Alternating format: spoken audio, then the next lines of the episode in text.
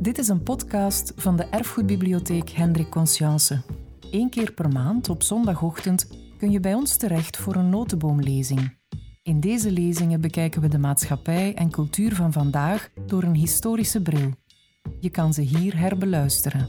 We wensen je heel veel luisterplezier.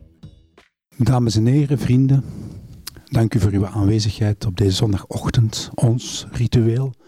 We gaan verder in onze reeks over rituelen, seks en muziek.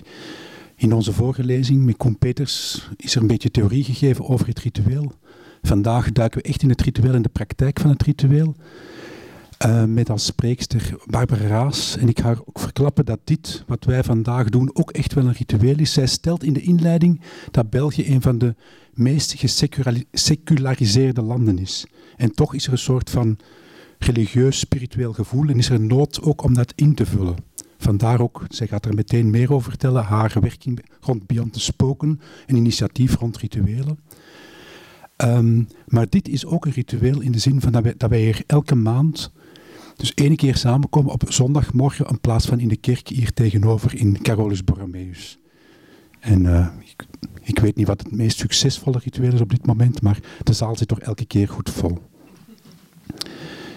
Wat die Beyond the Spoken betreft, Barbara's komt eigenlijk uit, uit de kunsten, heeft gewerkt voor uh, Buda en de Vooruit, heeft dan een jaar eigenlijk zich teruggetrokken uit die wereld, is beginnen nadenken en is dan eigenlijk als onderzoekster gestart aan het KASK, School of Arts in Gent, en is rond die rituelen beginnen werken vanuit ook die het aanvoelen van die nood die daaruit bestaat. En zij spreekt over kantelmomenten, niet erkende kantelmomenten en wat ik ook heel mooi vond op de website, vervelmomenten in onze levens. En als je dan op de website gaat kijken, zijn er eigenlijk acht vakjes waar rond rituelen worden gebouwd. En als je dat dan bekijkt, er staan eigenlijk de heel traditionele, laten we zeggen, kantelmomenten ook, maar ook die niet erkende, die blijven vandaag toch een hele belangrijke rol spelen in onze levens. En wat ik dan zelf persoonlijk natuurlijk heel erg aantrekkelijk vind, als zij het dan heeft over haar werking met Beyond the Spoken, dat het eigenlijk een samenkomst is van het, het religieuze, van die rituelen, zorg en kunst. Dus zij werkt ook echt samen met kunstenaars die vormgeven aan die rituelen. Maar ook altijd natuurlijk in samenspraak met de mensen die bij haar langskomen om zo'n ritueel te creëren. Maar zij kan dat natuurlijk allemaal veel beter vertellen dan ik. Ik geef haar graag het woord. Ik dank u voor uw aandacht.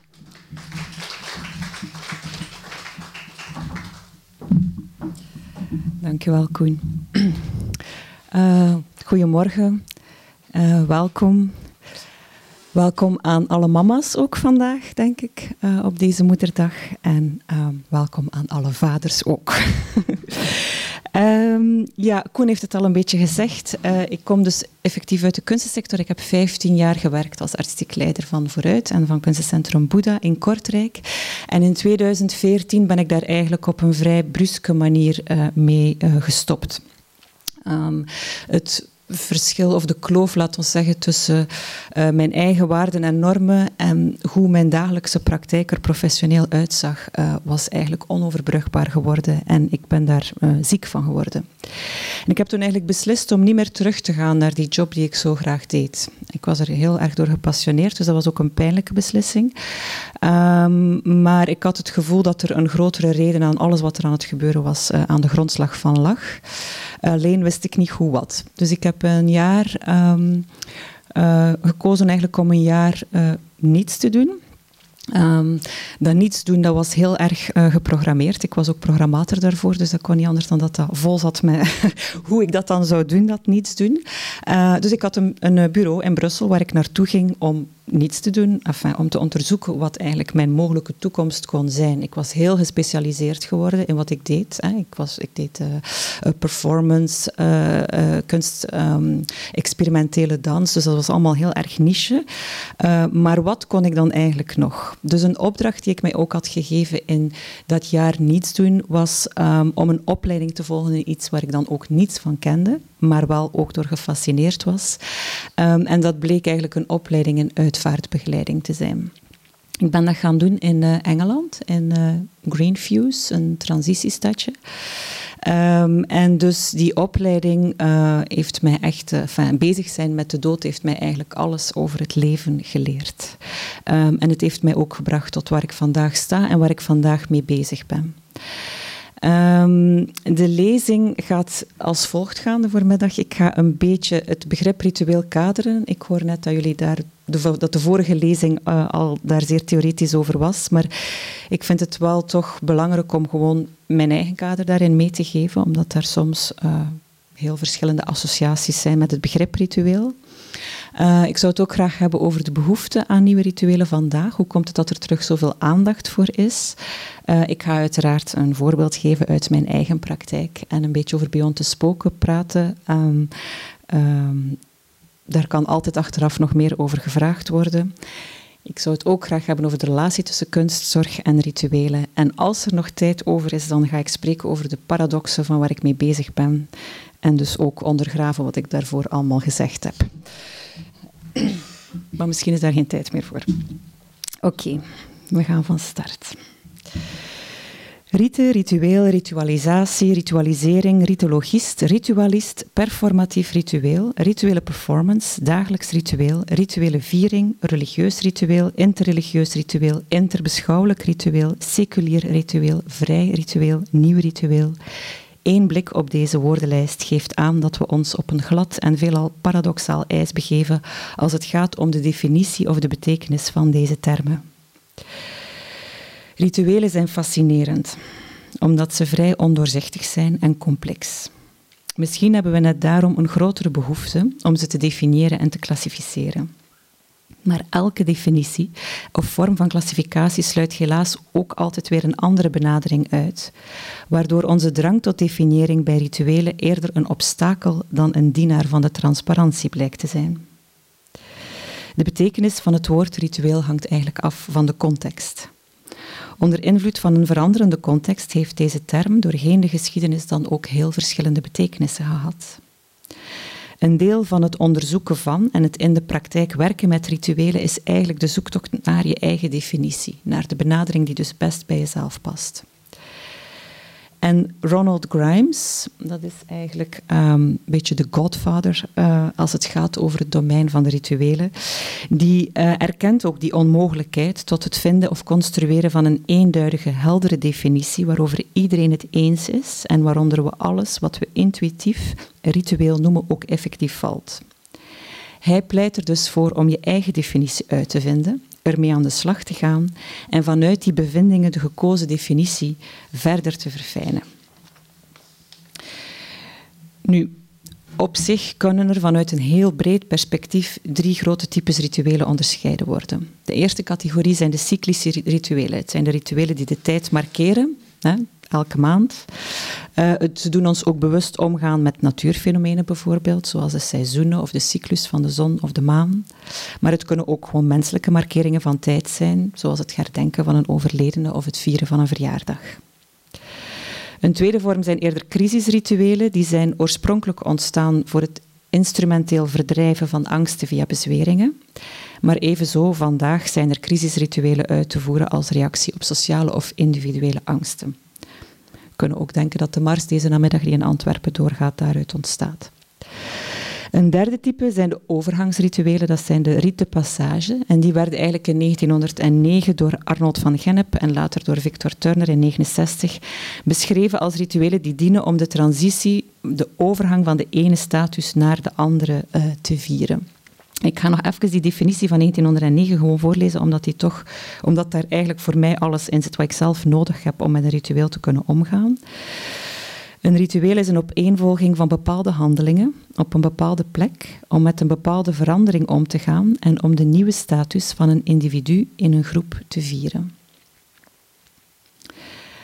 Elke overgang is een afscheid en elk afscheid is dus ook een nieuw begin. En niet tegenstaande, dus het zal dus ook niet verbazen dat die vorm van rituelen het dichtst staat bij mijn eigen praktijk. Nu, die overgangsrituelen hebben een bepaalde dramaturgie, die is universeel, die heb ik zelf niet uitgevonden. Hè. Um, die, elk overgangsritueel heeft eigenlijk drie grote uh, fases. De eerste fase is, uh, de, dat heet de separatie, maar ook de depersonalisering, destructurering of decompositie genoemd. En dat is eigenlijk waarbij, wanneer het ritueel start, dat men eigenlijk symbolisch eigenlijk iets gaat loslaten. Dus men is, men, degene voor wie het ritueel is, uh, die onderscheidt zich eigenlijk van de rest van de groep. Bij de dood is dat vrij duidelijk. De overleden is dood, de rest van de groep leeft nog. Maar als je bijvoorbeeld denkt aan een overgangsritueel van een zevenjarige, um, dan zijn er bijvoorbeeld in bepaalde culturen waarbij de zevenjarige de haren worden afgeschoren of ze krijgen een bepaald soort neutraal, uh, neutrale kledij die ze moeten aandoen in het wit, in het oranje. Dus symbolisch worden ze eigenlijk terug een soort boorling. Dus de separatiefase. De tweede fase is de liminale fase, overgangsfase of transitiefase. Dan ben je niet meer het ene, maar je bent ook nog niet het andere. Dus, um, en in die fase, dat, daar ben je eigenlijk als het ware niets, maar daarin worden ook bijna de geheimen of de tekens en de afspraken van de toekomstige status uh, meegegeven in die groep. De derde fase is de reïntegratiefase in de gemeenschap. Dat betekent dus eigenlijk, het ritueel is voltooid. Je behoort vanaf nu, je bent vanaf nu zeven jaar, je bent vanaf nu gehuwd. Je wordt dus in de gemeenschap terug opgenomen, maar in je nieuw statuut. En die overgang is onomkeerbaar, ingrijpend en definitief. Nu heb ik in die opleiding, uh, uitvaartbegeleiding, moesten wij uh, begrafenissen analyseren, afscheidsrituelen analyseren. En dan bedoel ik niet in de antropologische zin. Ik heb niet de hele wereld rondgereisd om uh, begrafenissen in allerlei culturen te mogen gaan zien. Nee, wij moesten dus eigenlijk in, mijn geval was dat dan het crematorium van Locristi, um, begrafenissen van mensen dat we niet gekend hebben, uh, gaan bekijken en analyseren en onderzoeken wat, wat heeft zo'n uh, afscheidsritueel eigenlijk nodig om een goed afscheid te zijn. En daaruit is eigenlijk voortgekomen Dit is heel uh, simplistisch getekend. Maar je kan eigenlijk dus die drieledige structuur, die separatie, transitie, reïntegratie, koppelen aan de draagkracht van de ritueelbegeleider. De ritueelbegeleider is degene die ervoor moet zorgen dat het ritueel echt en dat alle drie die fases op een goede manier moet doorlopen worden. Als we dit nu bijvoorbeeld toepassen op een klassieke begrafenis, iedereen zal zich daar iets kunnen bij voorstellen. Hè? Dus bij het begin begin van de, van, van de begrafenis. De mensen komen toe in de kerk of in het crematorium en de energie is eigenlijk heel zwaar. Want dat is meestal het moment dat mensen beseffen van oké, die persoon is er echt niet meer. Het is een confrontatie, want ehm, men ziet de kist staan, men ziet de urne staan, men ziet de familie in rouw. Dus dat is een vrij zware energie. En het gevaar bestaat dat de ritueelbegeleider eigenlijk op dat moment alles laat zakken. De taak van de ritueelbegeleider is om dan de energie naar boven te krijgen. Vandaar dat, dat, dat het naar boven gaat. Hoe doet men dat? Door te spreken over het leven. Door uh, terug een beeld, laat ons zeggen een soort mythe te creëren, terug van de persoon die gestorven is. En te zorgen dat iedereen terug helder de persoon, de levende persoon, voor zijn ogen kan zien. Daarna, en dat is natuurlijk iets moeilijker als ritueelbegeleider, moet de energie terug kunnen zakken. Want we zijn daar toch tenslotte om afscheid te nemen van die persoon. Dus dan is het wel nodig van nog eens opnieuw te zeggen van oké, maar voilà, we zien hem nu allemaal of hij of haar terug voor ons ogen, maar het is wel zo dat die persoon er niet meer is. En daar komt dus eigenlijk ook de liminale fase, dus het moment waar gesproken wordt over waar die, waar die persoon misschien in geloofde of uh, waar we denken waar die naartoe gaat. Um, het overgeven aan de vlammen of aan de aarde. Dus dat, dat is het diepste punt uiteraard helemaal onderaan. Dat is zwart bolken in de tweede fase. En daarna, en ook dat is best moeilijk als ritueelbegeleider, is het de bedoeling dat je terug alle energie omhoog krijgt. Door woorden van, van, van troost uit te spreken. Het terug iets comfortabeler te maken voor de mensen. En als je dat goed doet, dan kom je dus hier uit. Hier, wat betekent een beetje hoger dan waar we gestart zijn. Hier. En dus dit stukje is het therapeutische effect van het ritueel. Dus het is belangrijk om heel die S-curve te doorgaan om hoger uit te komen dan waar je gestart bent. Begrafenissen die niet goed hebben gewerkt of waarbij men zich leeg voelt of um, waarbij het toch niet gelukt is om zich een beetje geheel te voeren nadien, zijn er waarbij die hier gewoon direct naar beneden gaan. Ja, dan krijg je daar gewoon niet terug omhoog. Dat lukt niet, dat is veel te zwaar. Dus je kan daar niet uitkomen. Of uh, die gewoon te vlak blijven, die te oppervlakkig blijven, die gewoon zo gaan en dan zakken. Ja, dat, dat krijg je ook gewoon terug. Niet meer, uh, niet meer omhoog. Heeft het ritueel gewerkt als de volledige S-curve goed is doorlopen? Is dat dan een garantie op een geslaagd afscheid? De vraag of een ritueel heeft gewerkt of wat dat nu juist doet, is niet eenvoudig te beantwoorden. Aan de ene kant is er uiteraard het cognitieve aspect. Informatie en reden wordt gebruikt om vorm te geven aan het ritueel en aan de existentiële momenten die begeleid moeten worden. Maar aan de andere kant heb je natuurlijk ook het emotionele, het empathische, het symbolische en expressieve aspect. En dat is ook nodig om die existentiële momenten voldoende bevredigend te kunnen aanpakken. Dat laatste is natuurlijk veel moeilijker om te benoemen als we weg willen blijven van esoterisch taalgebruik. Wie ritueelbegeleider is, wie rituelen in de praktijk ondergaat of als participant mee ondersteunt, die erkent wel dat multidimensionale aspect en die weet dat er in de diepte van een ritueel altijd iets onpeilbaar en ondoordringbaar ligt. Een ritueel werkt omdat het iets betekent, maar tegelijkertijd betekent een ritueel ook iets net omdat het werkt. Daar waar het ritueel faciliteert en beïnvloedt, daar is dus de werkzaamheid van het ritueel terug te vinden.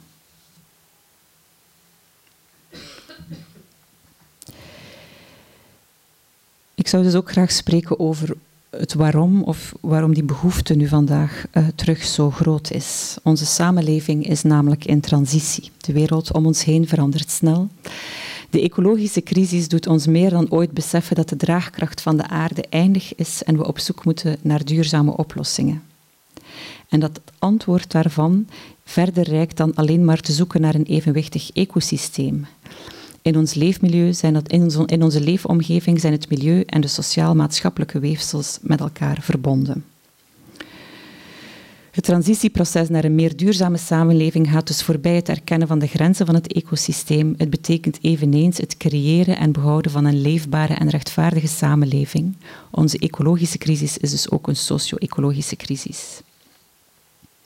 En het is eigenlijk binnen dat kader dat ik denk dat recente aandacht voor nieuwe rituelen een voorbeeld is van een praktijk in wording. Dat niet alleen de individuele levensstijl kan veranderd worden, maar dat ook op vlakken van onderwijs, cultuur, economie, zorg enzovoort enzovoort veranderingen kunnen gebeuren. In dat bredere transitieverhaal zijn er drie grote verschuivingen op te merken die onze recente aandacht voor nieuwe rituelen meehelpen kaderen. Opvallend hierbij is dat alle redenen die in de laatste decennia opgedoken zijn om de samenlevingen te deritualiseren, vandaag eigenlijk net dezelfde redenen zijn om het domein van de rituelen terug aan te spreken. De eerste reden is een verschuiving van non-believing naar believing without belonging. In de effecten van de meritocratie op identiteit en interpersoonlijke relaties schetst klinisch psycholoog Paul Verhagen hoe in onze westerse samenleving de sociale cohesie verdwijnt als gevolg van een steeds harder wordend individualiserend en polariserend klimaat. Eén symptoom hiervan is een opmerkelijke nieuwe omgang met waarden en normen. Op levensbeschouwelijk vlak worden we vandaag niet langer aangestuurd door grote geloofsstructuren zoals de kerk, maar wordt er steeds meer individueel gekozen. Daarbij ook sterk beïnvloed door de media. In onze zogenoemde dramademocratie hebben de grote verhalen plaatsgemaakt voor het verhaal van de dag. Sinds de verlichting is de secularisering in Europa in opmars. Religie, het godsbegrip en de bijbehorende wereldse structuren worden onderwerp van rationeel onderzoek en verliezen daarbij stelselmatig macht en invloed. Deze seculariseringstendens bereikte in West-Europa een hoogtepunt vanaf de jaren 60. Vanaf dan daalde het kerkbezoek systematisch. Hallo, hallo, dat is vermoedertjes daar.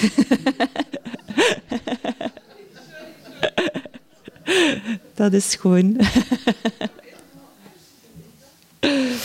Anno 2015 gaat nog ongeveer 6% van de Vlamingen wekelijks naar de kerk, waarmee de secularisering een feit lijkt.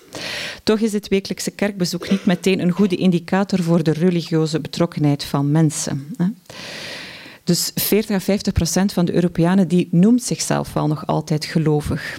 In dat verband spreekt men eigenlijk van een soort believing without belonging. Men staat wel kritisch ten opzichte van de kerk, men is niet praktiserend, maar men wil wel nog geloven in een aantal vaste geloofswaarheden zonder zich echt tot die groep mensen te willen rekenen. Daartegenover staat dan ook wel de belonging without believing. En dat zijn dan eerder de vrome ongelovigen die toch trouw blijven aan de geloofsinstelling. En die wel nog praktiserend zijn, maar daarom niet meer letterlijk geloven en, uh, in die leerstellingen van de, van de religie. Dat het alomvattend zingevend kader in de westerse maatschappij voor een groot stuk verdwenen is, dat laat zich natuurlijk voelen op momenten van crisis, verandering en transitie.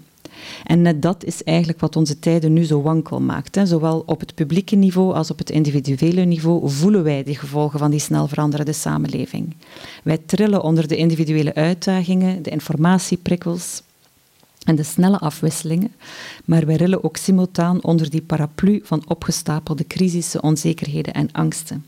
En het is eigenlijk onder die paraplu dat de voorbije jaren een steeds grotere behoefte ontstond tot het vinden van zinvolle antwoorden en het zoeken naar tools voor betekenisgeving. Ontkerkelijking veroorzaakte de voorbije decennia weerstand tegenover rituelen, waarbij vooral de authenticiteit ervan ter discussie werd gesteld. Men vond ze niet persoonlijk genoeg of niet authentiek genoeg. Maar het gebrek aan alternatieven die bezorgde ook voor veel mensen een gevoel van leegte of betekenisloosheid. Met de afbouw van de traditionele rituelen en het opgeven van de goden zijn uiteraard niet die diepe verlangens naar troost, begrip, vergeving en zoveel andere dingen uh, verdwenen. Religie of levensbeschouwing hoeft in elk geval vandaag niet meer de consistentie van het hele bestaan te omvatten. De segmentering van de samenleving die zet zich voort op het vlak van het individu en we worden eigenlijk een soort van ongebonden spirituele. Een soort patchwork van waarden en normen, aaneengeregen door de draden van het levenstapijt dat men bewandelt. Bronnen van zingeving worden vandaag bewust en onbewust gepluraliseerd en er staat, ontstaat eigenlijk eerder een sfeer van ietsisme. Ik geloof niet in God, maar wel in iets en onze eigen rol in het zoeken naar die betekenisgeving is dus een stuk belangrijker geworden. We kiezen eigenlijk en doen aan een vorm van creatief blenden, al naar gelang wat het best past bij de situatie. Stringer heet, heet dit situational belief.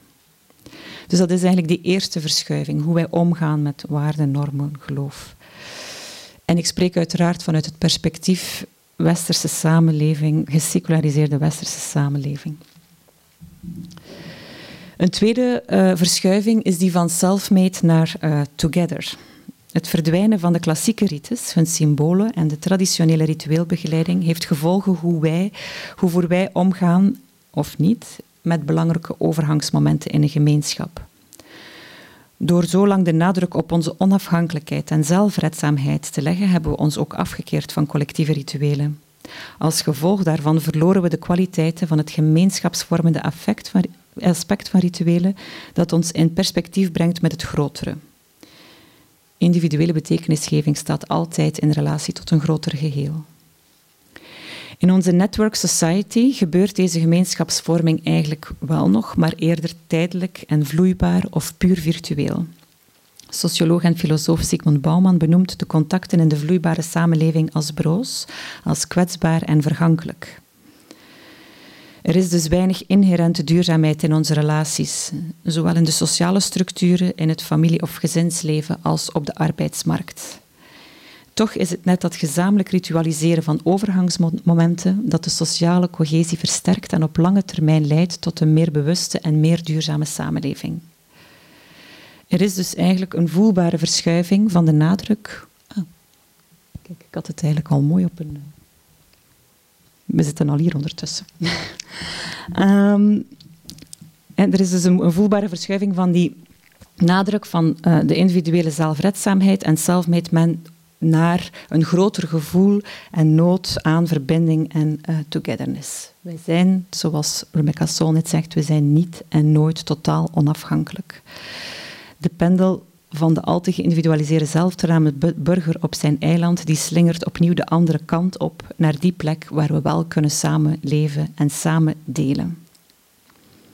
Bovendien hunkeren mensen weer naar een grotere belevingscultuur met minder nadruk op het rationele en meer nadruk op de collectieve beleving. Zolang die natuurlijk tijdelijk is en geen verplichtend karakter heeft. De derde verschuiving is die van vita activa naar vita contemplativa.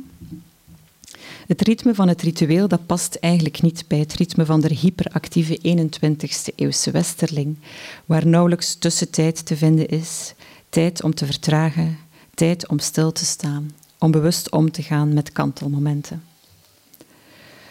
De hoeveelheid burn-outs, polyverslavingen, depressies, de ziektes van deze tijd doet ons steeds meer beseffen dat we ver verwijderd zijn van ons verlangen om te kunnen ontsnappen aan het regime van Kronos, die in amper 100 jaar tijd obsessieve klokkijkers van ons heeft gemaakt. Het zijn de woorden van Joke Hermsen. Deze kloktijd is vandaag een economische tijd geworden, die meteen ook het gebrek aan tijd en de versnelling van tijd heeft veroorzaakt. Het neemt eigenlijk alle tussentijd van ons af. Psychiater Dirk de Wachter benoemt de wachtkamer als de plek waar het belangrijkste onderdeel van de consultatie gebeurt. Het is eigenlijk de ruimte waar eindelijk tijd is voor tussentijd, voor reflectie over wat men straks gaat vertellen. Daar speelt zich, volgens de wachter, nog meer dan in het achteraf beschouwen de wezenlijkheid van de consultatie af dat voor veel mensen de wachtkamer dus de enige plek voor contemplatie kan zijn, vertelt heel veel over hoe wij vandaag omgaan met onze eigen psyche. De Duits-Koreaanse filosoof Gan, die heeft in 2017 De Vermoeide Samenleving uh, geschreven. Die benoemt eigenlijk, die gaat echt nog een stap verder, want die benoemt de rol die het individu zelf opneemt in de prestatiemaatschappij als de oorzaak van deze alomtegenwoordige neuroziektes. Hij zegt dus, onze psyche wordt volgens hem ingezet als productiekracht. Wij denken van onszelf dat we op elke prikkel moeten ingaan. Wij buiten onszelf uit door een overdreven verantwoordelijkheidszin, initiatief en motivatie. We lopen ons dus eigenlijk te pletter, gedreven door een systeem, maar even, eveneens uitgebuit door onze eigen opgelegde prestatiedruk. Gestimuleerd door ons permanent streven naar individuele vrijheid, creëren we eigenlijk een gebrek aan zijn en gebrek aan rust. Een belangrijk deel van de zoektocht naar een gezonde balans is contemplatie en opnieuw leren kijken. Niet alleen als vorm van verwondering, maar ook als een methode om weerstand te bieden aan die wil om op elke prikkel in te gaan. Jook Hermsen beschrijft de contemplatie als het creëren van nieuwe mogelijkheden in het gebied van het niet weten. Zo kan je opnieuw verbinding maken met het omgekeerde van Kronos, de Kairos-tijd, de tijd van de concentratie op het juiste moment. De opkomst van mindfulness, yoga en andere contemplatieve praktijken, grotendeels afkomstig uit het oosten, bevestigt deze zoektocht naar vertraging en naar nieuwe spirituele verbindingen. Net als rituelen zijn dit methodes om met aandacht mentale ruimte te creëren. Hoogleraar in de wijsbeheerte Herman de Dijn beschouwt in zijn recent boek Rituelen waarom we niet zonder kunnen meditatie, of dus ook rituelen, net als gebeden of bedevaarden, als een soort aandachtsmachines. Ze bieden specifieke instrumenten om onze verhouding met het wonder of de verwondering uh, na te streven. Die aandachtmachines die zijn eigenlijk een doel op zich. Die hebben geen verdere bedoeling. De handeling is gericht op het zijn, het bewust aandacht geven aan het hier en nu, zonder te oordelen. Ze zorgen ervoor dat onze aandacht niet afgeleid wordt door alledaagse beslommeringen en zo onze capaciteit tot verwondering wordt vergroot. Geen wonder of verwondering zonder houding van aandacht volgens de Dijn maar de aard van aandacht zelf is kwetsbaar. Wij zijn niet per se meester van onze eigen houding van aandacht. Contemplatie, meditatie, mindfulness, maar dus ook rituelen kunnen hierin een bijzonder hulpmiddel vormen. Het ritueel is dan in dit geval eigenlijk eenvoudigweg een menselijke techniek om evenwicht, transformatie, heling en creativiteit te stimuleren. Als nieuwe rituelen goed worden uitgevoerd, dan zijn ze emotioneel genezend. Ze zorgen voor balans en ze verbinden de mens terug met de kern en interesse, en interesse in zin of betekenisgeving.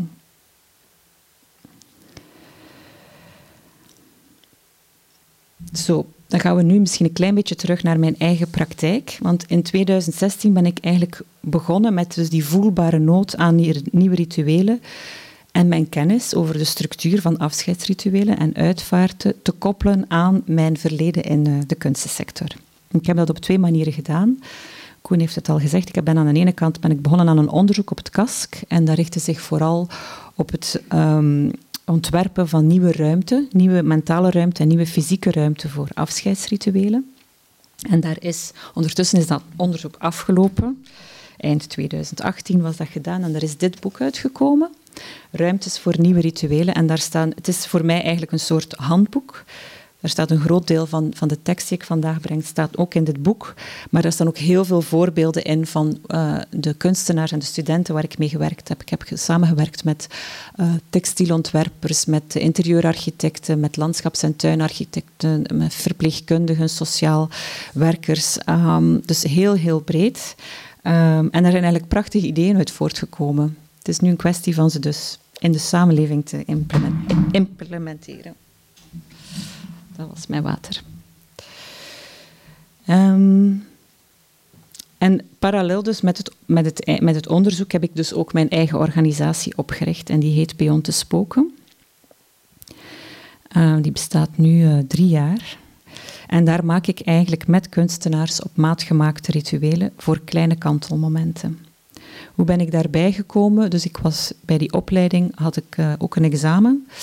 Um, en um, de examenvraag was daar: maak een afscheidsritueel voor de volgende situatie. Er is een homoseksueel koppel, de man gaat sterven.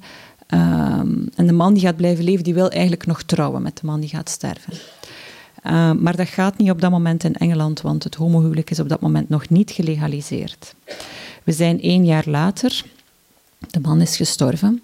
Maak een afscheidsritueel waarbij je eigenlijk een herdenking organiseert voor de man die gestorven is, waarbij je die alsnog huwt met de man die is blijven leven, in aanwezigheid van de nieuwe partner van de man die is blijven leven. Dus dat was een heel um, best ingewikkelde vraag, waarin een rouwproces en een trouwproces moest uh, verenigd worden. Maar dat was voor mij wel het moment dat ik wist van, aha, maar dit is eigenlijk wat ik wil gaan doen. Ik wil eigenlijk bezig zijn met verstopte rouw. Hè, met, met dus die verdrietige gebeurtenissen, laat ons zeggen, de kleine begrafenissen tijdens het leven. Um, die dingen die veel minder aan de oppervlakte komen en maatschappelijk dus veel minder erkend worden. En nogthans zijn het niet te onderschatten gebeurtenissen in een, in een mensenleven. Het kan gaan over uh, een ontslag, een abortus, een zware operatie, fysieke metamorfose, uh, kinderloos blijven, een scheiding, terug moeten gaan werken na de moederschapsrust, uh, een, een, zware ziekte. Er zijn enorm veel voorbeelden van wat niet erkend verlies in de samenleving is. En ik heb ook nog geen ene keer dezelfde vraag gekregen in die drie jaar dat ik ermee bezig ben. Het is wel mijn overtuiging dat er zoveel mensen crashen eigenlijk vandaag om terug te gaan naar hè, waarom er terug aandacht voor rituelen nodig is, omdat men gewoon niet of tekort omgaat met dat niet erkende verlies. En met Beyond the Spoken wil ik eigenlijk een warm deken van ondersteuning weven en instrumenten aanreiken voor persoonlijke groei. Het mooie is dat het voor mij dus eigenlijk enkel mogelijk was vanuit de verbinding met mijn vorig leven. Mijn afscheid uit de kunstensector bleek dus eigenlijk noodzakelijk om opnieuw in verbinding te kunnen gaan met de kunsten, maar dan vanuit een andere invalshoek dan uh, voorheen. Ik ga jullie een uh, filmpje laten zien, een voorbeeld uit mijn praktijk. Um, Vorig jaar uh, was ik curator voor Theater aan Zee in uh, augustus. En um, ik heb toen een ritueel gemaakt voor uh, kinderen die een heel recente verlieservaring hadden. Dat waren kinderen tussen 7 en 11. Um, en elke ochtend mocht er één kind dat ritueel meemaken. De gemeenschappelijkheid tussen kunst, zorg en rituelen is volgens mij te situeren op vier verschillende gebieden. Het durven benoemen, het durven vergeten, durven verbeelden en durven verbinden. Het durven benoemen, dat noem ik ook een soort bereidheid tot ongezelligheid. Net als rituelen kan kunst ook diep verdriet, pijn en lijden spiegelen. Dat kan ontregelend zijn, maar in het erkennen en het herkennen ervan ligt ook de helende kracht en de toegang tot een beter begrip van het wezenlijke mens zijn. Je voelt je aangesproken, de grotere emoties die krijgen een kader en alles valt op zijn plaats. Het herinnert ook op een bepaalde manier onze apathisch geworden verbeelding aan de belangrijke waarden en normen die onder de dagelijkse praktijk van het oppervlakkige leven soms een beetje bezoedeld raken. Niet alleen bij kunstenaars, maar ook bij professionelen uit de zorg- en rituele sector is er een bereidheid tot ongezelligheid te vinden. Het gaat over mensen die de openheid creëren om het zichzelf ook aan te doen, het er te blijven over hebben. De wil om het oncomfortabele gesprek aan te gaan en in die taal ook te groeien. Durven te kijken naar pijn en wijzen op onze collectieve verantwoordelijkheid. Het is bijna een vorm van verzet in onze positieve samenleving die liever lastigheid, angst en pijn probeert weg te duwen. Het tweede aspect is durven vergeten, een time out of time ervaring.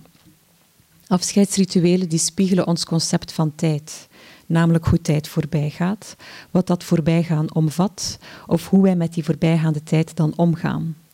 Goed uitgevoerde rituelen bieden de mogelijkheid om pijnlijke herinneringen definitief naar het verleden te verwijzen. In de toekomst de trigger voor die slechte herinneringen uit te zetten en ons uit die loop van negatieve repetitieve emoties, gedachten en beelden te halen. De tijd van het verleden wordt tijdens het ritueel verbonden met de tijd van de toekomst en brengt ons volledig in het nu. De tijd van de rite verleent aan het mystieke lichaam zijn eigen betekenisvolle tijd en tegelijkertijd tijd buiten de tijd. En dat zie je soms als een ritueel ten einde is, dan zie je vaak zo mensen wakker worden. Ze moeten zich heroriënteren in de ruimte en in relatie tot de mensen om zich heen. Dat kan je ook na een intense kunstbeleving of theaterervaring hebben. Het is een soort time-out-of-time ervaring, alsof de tijd even tijdsloos was. Het therapeutische effect van rituelen is dat ze in dat moment, in het nu, dan ook helpen te ontzorgen en ons in die tijd even te laten vergeten wat pijn is. Een derde aspect is het durven verbeelden, een meaning imagined. Kunst, zorg, zorg in die zin, in de betekenis van welzijn, door betekenisgeving en zingeving. En rituelen hebben met elkaar gemeen dat ze eigenlijk alle drie imaginair zijn. Daarmee bedoelen we natuurlijk niet dat ze niet bestaan, maar dat het bestaan ervan vooral ligt in de kracht van suggestie en verbeelding. Door een kunstwerk een gevoel van zingeving, een rituele ruimte. Ah, sorry. Door een kunstwerk een gevoel van zingeving of een rituele ruimte kunnen soms hele werelden van betekenissen worden verbeeld. Ik denk dat dat in Zondagkind wel duidelijk is. De voornaamste drijfveer van de artistieke creatie ligt in de behoefte om zich essentieel te weten tegenover de wereld. Dat zijn niet mijn woorden, maar die van Sartre. En hoe kan men zich essentieeler maken door zelf een wereld te maken en die bovendien ook nog eens voor andere werelden, werelden te openen? Rituele kunst en zingeving zijn elk op zich mogelijke antwoorden op het onoverkomelijke verlangen om zich essentieel te weten tegenover deze wereld. En een laatste aspect is dus het durven verbinden, dat verlangen naar ontmoeten. Rituelen zijn pas effectief als ze ook mee ondersteund worden door een gemeenschap. Mensen die deelnemen aan een ritueel kunnen dat vanuit een persoonlijke motivatie doen of die kunnen dat als participant doen. Participanten die dragen eigenlijk de persoon doorheen het ritueel door een soort tijdelijk ondersteunend web te vormen, een gemeenschap. Het is een moment om al voor elkaar te zorgen in een tijd waar de agenda nooit voldoende leeg is om eigenlijk voor elkaar te zorgen.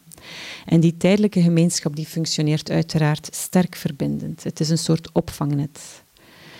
Maar eenzelfde soort verlangen naar interactie en ontmoeting is er ook bij bepaalde performancekunstenaars en sociale artistieke praktijken terug te vinden. De kijker die wordt eigenlijk als het ware mede-eigenaar of participant. En dus net als bij deze vorm van performances is in de sociale praktijk van het ritueel de collectieve ondersteuning echt de katalysator voor de beoogde transformatie.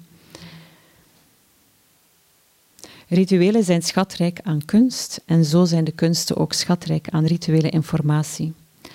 Maar omdat rituelen en de kunsten tot verschillende sociale instituten behoren, stoppen we ze soms nog te veel in verschillende mentale vakjes die zones dichter bij elkaar brengen, dat kan tot transformerende concepten leiden, die zowel voor de kunst als voor de zorgsector vernieuwend kunnen zijn. En we hebben nog wat tijd over, dus ik ga het toch nog over die paradoxen hebben. Het onderzoeksdomein waar kunsten, de zorg, welzijn en rituelen zich als werkveld verenigen, is echt een spanningsveld vol vragen en paradoxen. Ten eerste, met de creatie van nieuwe fysieke en mentale ruimte voor rituelen zoek ik naar een grotere sociale cohesie in een al te geïndividualiseerde samenleving. Maar net daar spreekt het onderzoek zich natuurlijk tegen, want een op maat gemaakt ritueel, ontworpen voor een unieke persoon op dat unieke moment, is dat dan niet het bewijs van een al te geïndividualiseerd denken? Het zoomen van de unieke mens als patchwork, als samengestelde puzzel van waarden, normen en visies.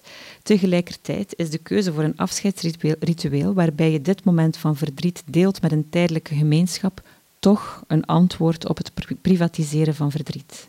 Want men laat de ander deel zijn van dit unieke moment. Men stelt zich kwetsbaar op en vraagt om ondersteuning van een grotere gemeenschap. Met de creatie van nieuwe ruimtes voor afscheidsrituelen probeer ik alsnog dus te beantwoorden aan een grotere collectieve behoefte. In een breder transitieverhaal is dit dus een van de vele bewegingen die vandaag mede toekomst zouden kunnen bepalen. Daar waar deze beweging nu nog te veel focust eigenlijk op het individuele aspect, kan dit op langere termijn iets in beweging zetten op collectief vlak. En het is de optelsom van al die individuele experimenten in het zoeken naar verandering op kleine schaal, dat we toch op grotere schaal kunnen evolueren naar een meer duurzame samenleving. Een tweede paradox is eigenlijk de spanning tussen het eenmalige en de herhaling. Dus oeroude rituelen die bestaan alleen maar bij gratie van de herhaling. En ook dat is meteen de Achillespees van nieuwe rituelen. Deze kunnen nooit eenzelfde krachtige transformatie teweegbrengen als de repetitieve en generationeel overgeleverde rituelen, die gebaseerd zijn op de tradities van eenzelfde gemeenschap. De spanning tussen de herhaling en de eenmaligheid is dus eigenlijk wezenlijk voor het ritueel. Het ritueel is tegelijkertijd uniek en het is ook een herhaling. Dus door het meermaals uitvoeren kan het gebeuren nog zinvoller, nog impactvoller worden. En dus misschien ook terug uniek worden. Nieuwe rituelen worden soms eenmalig uitgevoerd en dan nog in een tijdelijk samengestelde gemeenschap. Ze kunnen dus niet terugvallen op die werking van die repetitiviteit. Dus daar zit die paradox. En een mogelijk antwoord daarop is, of hoe ik daar zelf mee omga, is toch te vertrouwen eigenlijk op die S-curve waar ik het over gehad heb, op die universele structuur van afscheidsrituelen, zodat de herkenning van deze structuur rust kan brengen. Bij nieuwe rituelen spreken we dus eerder over herkenning in plaats van herhaling. Wat het lichaam herkent, is niet alleen de structuur die gebruikt wordt in de uiterlijke collectieve wereld, maar ook onze verbinding met de innerlijke persoonlijke wereld. En die beide werelden die zijn eigenlijk onlosmakelijk met elkaar verbonden. Mensen in verdriet, in trauma of crisis, die hebben behoefte aan patronen, aan iets wat ze kunnen herkennen of waarop ze kunnen terugvallen. Rouwenden zijn verlamd door het gebeuren, dus wil men herkennen wat men doet. Die herkenning brengt rust. Dat verklaart waarom de ruimte voor vernieuwing in het gebied van de klassieke begrafenissen of ruimtes voor afscheid niet altijd even groot is. Als op zo'n moment alles nieuw is, dan voelen de nabestaanden zich verloren en kan het ritueel zijn werk niet doen. Dat is dan dus de derde paradox, namelijk die van de innovativiteit binnen het creëren van nieuwe ruimtes voor rituelen. Het mag niet te vernieuwend zijn. Anders wordt het niet herkend en kan er geen sociale cohesie ontstaan. Vernieuwing bij het ontwikkelen van de nieuwe ruimtes voor rituelen kan eigenlijk maar geleidelijk aangebeuren. Innovatieve ontwerpen zouden zo dicht mogelijk bij een vorm van deelbaarheid en begrijpbaarheid moeten proberen blijven. De paradox is dat we eigenlijk daarop vandaag dan toch weer een kleine uniek, unieke uitzondering vragen, namelijk structuur creëren, maar dan toch met ruimte voor persoonlijkheid, voor het unieke dat dan toch gedeeld kan worden. Een vierde paradox is voor mij de samenwerking met de kunstenaars. Zowel eigenlijk in mijn onderzoek als in het maken van de rituelen voor Beyond the Spoken stel ik samenwerking met kunstenaars als co-creatoren en mede-onderzoekers centraal. Vanuit het verfijnen van een concrete noodzaak proberen we samen tot een nieuw verhaal te komen en zo bij te dragen tot betekenisgeving en zingeving. De spanning bij co-creatie die leidt niet altijd tot een meer begrijpelijk of meer voelbaar verhaal. Niet zelden resulteert dus het in een nog grotere complexiteit. waar de interdisciplinariteit soms het probleem is in plaats van het antwoord. Het is onzeker of we die complexiteit eigenlijk vandaag al aankunnen om tot betere resultaten te komen, maar ik geloof echt in interdisciplinariteit, dat het een uitdaging kan zijn om af te dwalen van de geëikte paden en daar op een plek van vernieuwing en transformatie terecht te komen. Het blijft belangrijk om aandachtig te zijn voor een ontmoeting tussen kunst en welzijn op het scherp van de snee.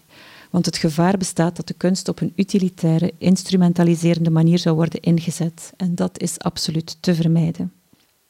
Kunstenaars mogen de zorg niet louter instrumenteel benaderen en ook omgekeerd mag de zorg de kunst niet als een middel gebruiken. Als kunst te veel wordt aangewend om een bepaald doel te dienen, dan verliest ze haar wezenlijkheid. De kunstenaar moet autonoom kunnen blijven maken wat hij wil maken. Maar anderzijds is de presentatiecontext zowel voor het kunstwerk als de kunstenaar erg bepalend. Hetzelfde kunstwerk kan bijvoorbeeld tijdens een ritueel of in een rituele ruimte beter tot zijn recht komen dan tijdens een kunstenfestival of in een museum. Het kunstwerk krijgt een ander en misschien duurzamer bestaansrecht als de presentatiecontext klopt met de authentieke wil van de kunstenaar om het werk in deze context te presenteren. Zo eindig ik dus mijn verhaal met vier paradoxen, maar ook dat is weer interessant, want paradoxen zijn de barsten in de zin die we geven aan het leven. Het zijn barsten die ons doen kijken naar de zin en de onzin. Het zijn barsten die troosten door het licht dat zichtbaar wordt. Dank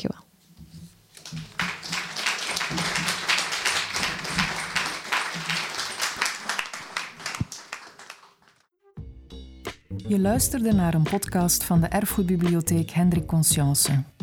Wil je nog een andere lezing beluisteren? Ga dan naar www.consciencebibliotheek.be-herbeluister.